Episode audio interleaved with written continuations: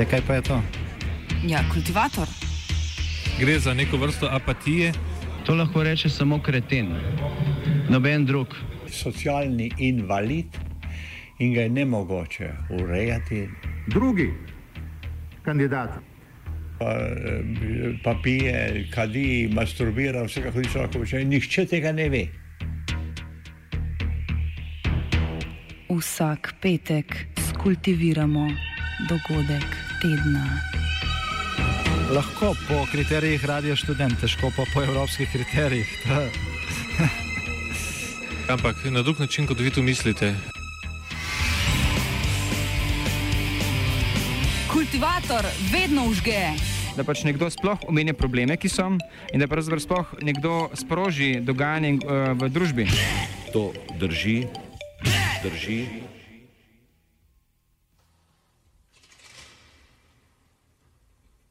Čigave smeti.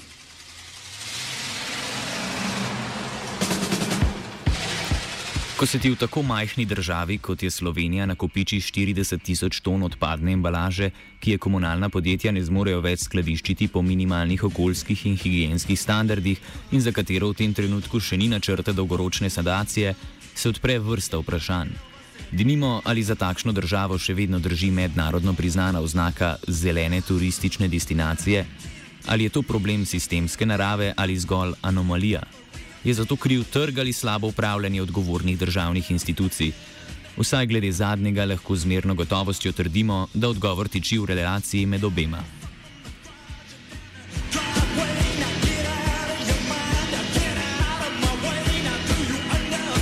Na eni strani so tržne neatraktivnosti oziroma nizke vrednosti mešane embalaže in drugih odpadkov, katerih končna destinacija je uničenje oziroma energetski zažig in nereciklaža. Na drugi pa je vprašljiva zakonska podlaga, ki odreja odgovornost podjetjem v sektorju procesiranja odpadne embalaže ter jih ne sili v tržno neprofitabilne dejavnosti. Da v desetletje trajajoči zmedi strani različnih zasedb Ministrstva za okolje in prostor pri reševanju problematike sploh ne govorimo.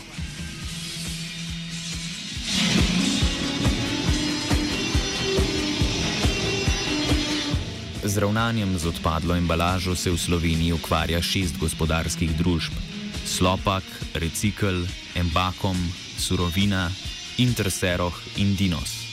Njihov glavni vir prihodka je embalažnina, finančna kompenzacija, ki jim jo za odvoz in procesiranje odpadkov plačujejo tista podjetja, ki letno proizvedejo ali uvozijo več kot 15 ton odpadnega materijala. Kaj pa tisti, ki padejo pod ta prag in posledično embalažnine ne rabijo plačevati? Po ocenah Ministrstva za okolje in prostor, kot jih je izrazilo v pogajanjih z embalažnimi podjetji, naj bi bilo teh odpadkov okoli 4 odstotke, kar je v velikem nasprotju z izračunom računskega sodišča izpred 4 let, ki je v ta rang uvrstilo več kot 50 odstotkov vsega odpadnega materijala.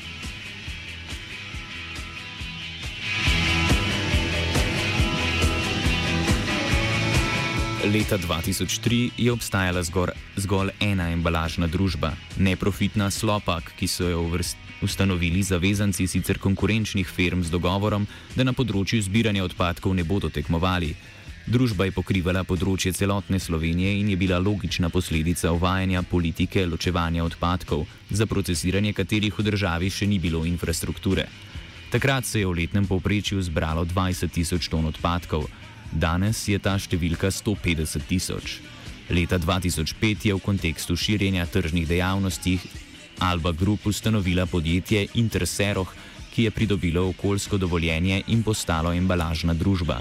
Svojo tržno privlačnost in delež je začela ustvarjati s ponujanjem okoli 30 odstotkov cenejših storitev, pri čemer je bila zakonodaja za to področje spisana v kontekstu obstoja enega podjetja in tako je tudi lep čas ostalo. Interseroh je bil tržno zelo aktiven in se hitro širil, posledica česar je bilo slopakovo izgubljanje zavezancev. Ker pa si je ob takšni tržni strategiji nesorazmerno povečalo stroške glede na prihodke, je podjetje zašlo v likvidnostne težave ter na državo pritisnilo, da izračuna deleže, koliko odpadkov more posamezna embalažna družba pobrati.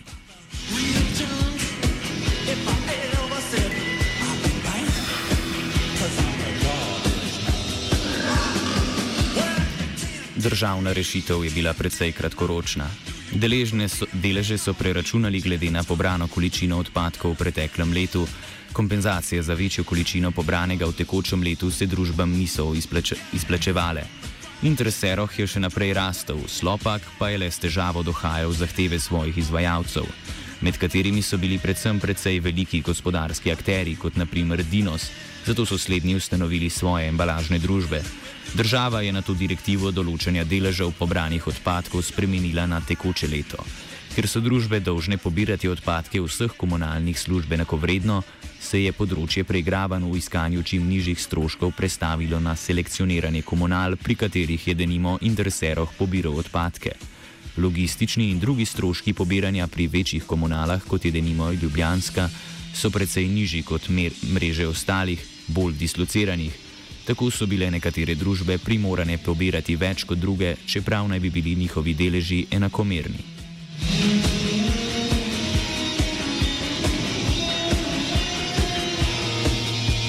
Situacijo na trgu z odpadkom je pogojevala tudi njihova tržna vrednost, ki je bila v obdobju, v katerem so se podjetja ustanavljala, mnogo višja kot danes. Razlog za to je bil odprt kitajski trg za odpadne materijale, ki je poleg čistih, torej teh z visoko tržno vrednostjo, kot je denimo papir, sprejemal tudi mešane plastike in kovino. Ko se je ta trg v začetku letošnjega leta zaprl, so drastično padle cene prav slednjih, saj je evropski trg takoj postal z njimi prenasičen. Slovenija jih je tako zaradi manjka infrastrukture za uničenje ali energetsko predelavo tega tipa odpadkov začela usmerjati na sever, predvsem v Avstrijo. Avstrija pa je zaradi zavedanja naše nezmožnosti lokalne predelave skoraj enkrat dvignila ceno prevzemanja.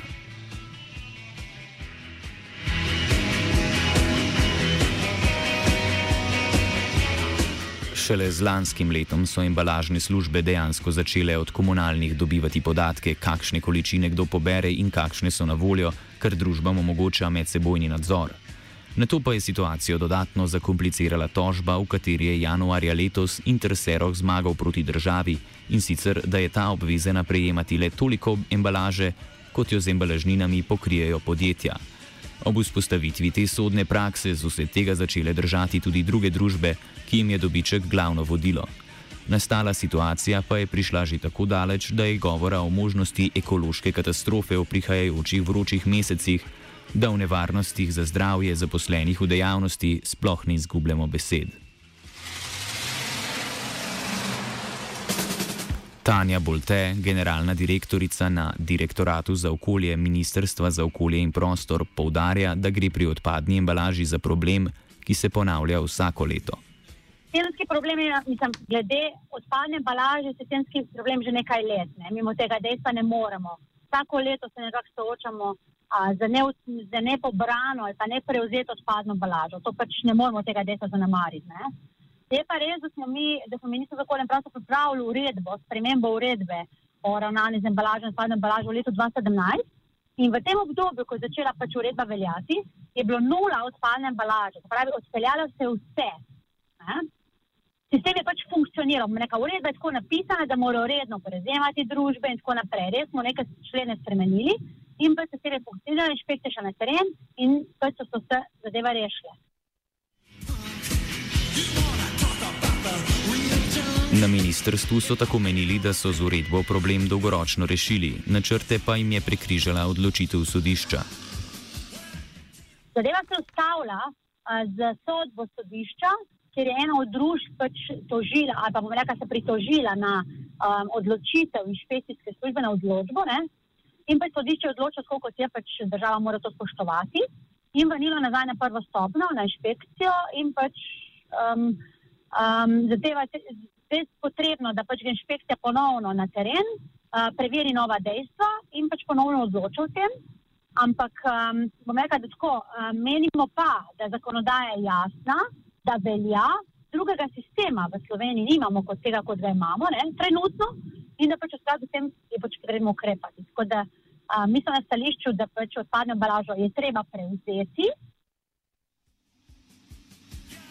Bolte poudarja, da se po mnenju pravne službe ministrstva ne morejo vse družbe sklicevati na zadnjo sodno odločitev. Pritoža se je na inšpekcijski postopek. To pa potekale proti državi še druge, bom rekla, odloč, eh, še druge um, sodbe, ne, ker pa ni bilo tako jasno, da smo kar vse eh, država zgubila. Ne. Tako da na različnih segmentih so potekale različne do, uh, tožbe proti družbi. Ampak govorimo o tej leti 2016 in o tej družbi in še to, mi smo že 14 dni nazaj sestanek na Ministrstvu za okolje in prostor z vsemi družbami, ne, ki delujejo v tem sistemu. In smo jasno povedali, da pravno mnenje na naše je, da pač to, eh, to sodbo sodišča ne moramo zaimplicirati kar na vse družbe. Ker to je bilo v konkretnem postopku ene družbe proti državi ne? in da ne more zdaj kar vse družbe sklicevati na to sodbo sodišča. Okay, sodbo sodišča je nekaj jasno povedala, kje imamo težave tudi kot država in se jih zavedamo. Zato tudi rekel, v tem delu pripravljamo uh, zakon o varstvu okolja, kjer moramo pač na višji hierarhični akt določene zadeve pač dvigniti, da je prenisko, da pač imamo vse podzakonskih aktih in da moramo dvigniti zadeve na više. Tako da to pa sedaj na dolgi rok bomo rekli. Je pa dejstvo, da je treba sistem urediti tako, da bo funkcioniral. To pa, to pa je temeljno načelo. V uvodu omenjena embalažnina je kompenzacija, ki jo za odvoz in procesiranje odpadkov plačujejo podjetja, ki letno proizvedejo ali uvozijo več kot 15 ton odpadnega materijala. Ta teža je po mnenju nekaterih družb postavljena previsoko. To že nekaj let, bom rekla, embalažne družbe izpostavljajo to dejstvo, da je 15 ton previsoka meja. Jaz se ne bi spuščala nazaj, kdaj je bila določena, pač bila v neki uredbi, zakaj je bila ta meja, ali je ta prava ali ne. Dejstvo pa je, ne, da pač če določiš neko drugo mejo, moraš imeti neke strokovne osnove. Ne? In z tega stališča, mislim, pač nekaj argumente, bom rekel, danes se pa lahko pogovarjava, reče, ok, naj bo ta meja 500 kg, pa naj bo nula, pa tako naprej. In zopet nimam nekega strokovnega argumenta, zakaj je ta meja prava, ker jo pa moram na uni strani imeti, če to oba strinjava, ne? Da pač bojo tudi tisti, ki bojo pač prišli v ta sistem financiranja oblačevanja, zahtevali neko odgovor. Ne? Neka zbornica obrtnikov bo sigurno zahtevala. Ne? Iz tega razloga, pa ne, da bi zdaj želela, da pač zbornico tako ščitim, ne? ampak dejstvo pa je, da pač je treba z teh administrativnih pogledati tudi mala in srednja podjetja, to pa je načelo direktive, to je pa res. Ampak ok, več časa se poraja to vprašanje, 15 pravo me ali ne. Iz tega razloga smo na ministrstvu za okolje in prostor um, v skladu z spremenjeno uredbo iz leta 2017 um, spremenili to, da pač letošnjo leto poročajo vsi tisti, osebe, ki dajo embalažo prvič na trg, poročajo v nek sistem. In v tem, tega sistema bi mi mogli videti, mislim, upam, da nam bo uspelo, kdo sploh embalažo daje na trg in pa kakšna ta količina. In z te analize bi morali pač videti, kakšna bi bila ta prava meja. Nekatere rešitve se ponujajo v sosednjih državah, a bolj te opozarja, da bo za njihovo ustreznost potrebna strokovna ocena. Veliko se v medijih, v javnosti pojavlja pač paušalni znesek, to ima Avstrija. Tako da se pač razmišljate v različnih variantah, bom rekel, no, kaj dejansko narediti. Je pa res, da pač rabimo neke strokovne osnove, pa jaz sem tega mnenja, ne, ali pa mislim, neko, neko, nek, neko ozadje, neko, um, neke podatke, zakaj smo se odločili v neki pravi meji, da ne bo kar tako, kot je bilo toliko let nazaj, 15 ton, kar tako. Ne. Ministrstvo povdarja, da bo ne glede na dogovor z družbami vedno ostal višek, ki bo v breme družbam za odvoz. Drug segment, ki se ga pa omeka, ima težave v cela Evropa, ne samo mi, je pa ta internetna prodaja. Um, vsi vemo, da pač, okay, jaz verjetno sem že kaj naročila, vi tudi ne, strani interneta v redu, to je v redu, to mi plačujemo preko komunal, preko položnic, ampak so podjetja, ne, ki pač funkcionirajo s tujino na ta način. Kaj pa je s to embalažo? Ne? Tudi te embalaže ni zanemarljivo malo. Kako bomo pa to sistem spravili, da se bo tudi plačevalo? Ne? Ker embalaža ni nastala pri nas in tako naprej, je stala tujini in se pač pri nas mora v sistem sprožiti en določen delež embalaže bo vedno tisti, za katerega bi morali ta podjetja, kdorkoli bo že v tej schemi plačevati. Ne? To je pa drugo dejstvo. Najnovejša direktiva Evropske unije bo za Slovenijo prinesla dve večji spremembi in sicer uvedbo, razšir, uvedbo razširjene odgovornosti na področju odpadne embalaže, kar pomeni, da je gospodarstvo v celoti odgovorno za zbiranje embalaže, ne glede na njen izvor. Prav tako bodo uveljavljeni univerzalni minimalni kriteriji za delovanje embalažnih družb, ki naj bi zagotavljali popolno transparentnost in odgovorno upravljanje. Smo čakali mi kot um, država Slovenije, ki smo del Evrope, tudi direktivo, ki je bila sprejeta en teden nazaj. Uh, in pač glede tega um, embalaže in embala, uh, odpadne embalaže, v katero smer bo šla. Pač ta direktiva nam daje jasno načelo, da pač treba tudi na tem segmentu odpadkov upoštevati uh, načelo razširjene odgovornosti. Mi smo to načelo imamo mi že sedaj vključeno. Dejansko, ne, In razmišljali smo tudi mogoče, da pač gremo iz tega sistema ven, ker pač vidimo, da ne funkcionira. Tudi to je bil razmislek na ministrstvu, mimo tega desa ne morem. Ampak ok, čakali smo res direktivo, ko če nam direktiva nekaj pravi, mora država to spoštovati. Ne? Se pravi, da je jasno, tudi od embalaže, odpadna embalaža mora biti del razširjene odgovornosti in moramo iti v ta sistem. Želimo vse te koncepte, koncept spraviti noter že v zakon o varstvu okolja, dva, ki ga pripravljamo do konca leta, bi ga dali radi v javno obravnavo. Ne bi čakali do leta 2023, ker je pač, um, bom rekel, prenos direktive v naš pravni red in uh, bi radi pač uredili to področje uh, v tem momentu. No. Tako da to je pa zdaj ključni moment, kako urediti to področje za naprej, za bodočih, ne vem, rekel, koliko let, ampak sigurno ne pa na takšen problem, kot se zdaj pojavlja, da je vsako leto težava z odpadom embalaže, ker to je pač nemogoče skupaj funkcionira, to upam, da se vsi strinjamo. Tako da to, ta, ta moment, mislim, to, to je treba, to, to strategijo je treba že tako nastaviti, da bo funkcionirala naslednja leta. No. Tanja Bolte, generalna direktorica direktorata za okolje, poudarja, da si država in družbe v skladu z uredbo delijo odgovornost pri odvozu smeti. Ustraja, da je država pripravljena sama poskrbeti za odvoz in naknadno izterjati stroške od družb. Jaz bi rada povedala, da moramo tukaj vsi deležniki, ne samo država, napraviti vse, kar je v skladu z uredbo, da pač reka, um, preprečimo to um, nastajanje teh odpadkov ali odpadne embalaže, embalaže odpadne embalaže na dvoriščih. Se pravi, tudi, ne, to pač tudi komunalnim podjetjem povemo, uh, pa komunalni zbornici, da v, mislim, tudi vkolikor oni skladiščijo več kot sedem dni uh, in droje ne uspele, pač ta družba za nam odpadkov, lahko pač od njih vse stroške izterejo. To je pač načelo, bom rekel, pa jasno pravilo igre v uredbi. Tako da je to samo enkrat ponovila, da pač ne moramo vse zdaj sklicati samo na državo, je pa dejstvo, da pač država mora to urediti, popolnoma se ne držimo od tega, od tega dejstva.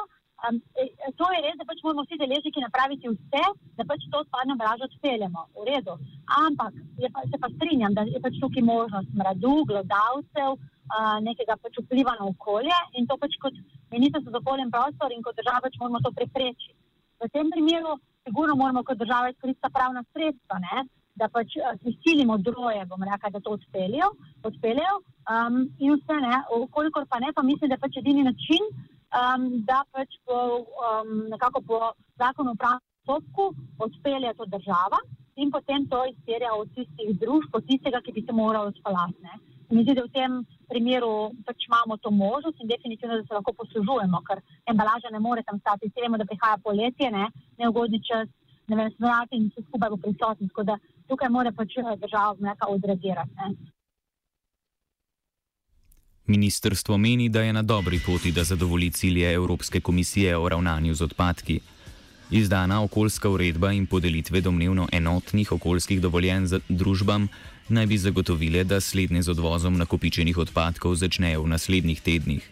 Čeprav naj bi družbe na uredbo podale tožbe zaradi domnevne nezakonitosti, to naj ne bi overalo izvedbe odvoza tega, kar se je do danes nakopičilo. Zaradi tega so, sodeč po pridobljenih internih informacijah, z njo zadovoljni tudi v družbah samih. Razumi, kdo si more.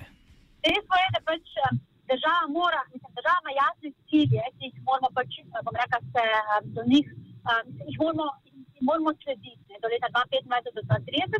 Te cilje je pač jasno zapisala Evropska komisija, mi smo člani pač Evrope, ne, pokimali smo, pač moramo se tega držati. Jasno je, da moramo stran od odlaganja, ker pač Slovenija, bom rekla, zelo dobro zasleduje in smo nekako danes pod 20% odlaganja, tako da uh, cilj mislim, da je do 2030 pod 10, tako da mislim, da smo sposobni do tam tudi priti. Uh, drugi cilj, ne, ki ima tudi jasno, je pa recikliranje. Ne, uh, mislim, oziroma tudi hierarhija ravnanj s patki je popolnoma jasna. To pravi, um, kaj moraš vse prej narediti, preden zadevo težkeš, oziroma te neč obdelaš ali odložiš. Ne. In država Slovenija mora pač jasno za tistim ciljem, vse možne pač materijale, ki se lahko reciklirajo, moramo uporabiti, to, da jih recikliramo. Um, in to, to so pač določena dejstva, tudi krožnega gospodarstva, ki moramo zdaj pletiti v to zgodbo in celoten segment, bom rekla, strategije ravnanja z odpadki pač urediti na, tem, na te bazi. No. Mislim, da ne da se večkrat pojavlja vprašanje, ali da se žig ali ne se žig, ne, oziroma termič obdelava. Um, tu, mislim, tudi to je zdaj eden od segmentov, ki se je potrebno njih pogovarjati. Kako bomo tiste odpadke, ki pač ostanejo, ki jih ne moreš niti reciklirati, niti uh, kakor drugače predelati ali pa odložiti, ker jih ne moreš odložiti, kam jih bomo zdaj dali kot Slovenija. Pač to je jasno. Tako da to je ključno vprašanje in mislim, da pač nas čaka kar um, tako vroče poletje, bom rekla, pa je s tem, da pač to nekako pripravimo, neko strategijo skupaj seveda strokovnjaki in pač to nekako z vso strokovno javnostjo predebatiramo, ker to pač je pa dejstvo, da, da se moramo skupaj z državljani, bom rekla, odločiti, v katero smer želimo, kaj želimo v Sloveniji delati na tem področju. No? V smeteh se je izgubljeno kopal vitežnik.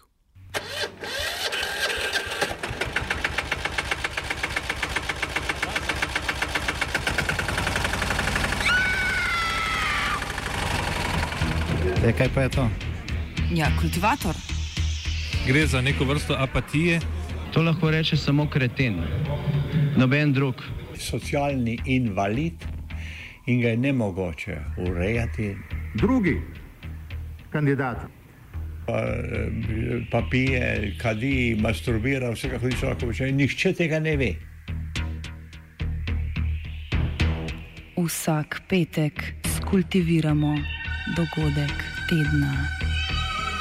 Lahko po kriterijih radio študent, težko pa po evropskih kriterijih.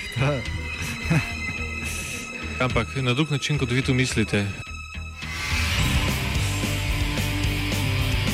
Kultivator vedno užge. Da pač nekdo sploh omenja probleme, ki so, in da pravzaprav sploh nekdo sproži dogajanje uh, v družbi.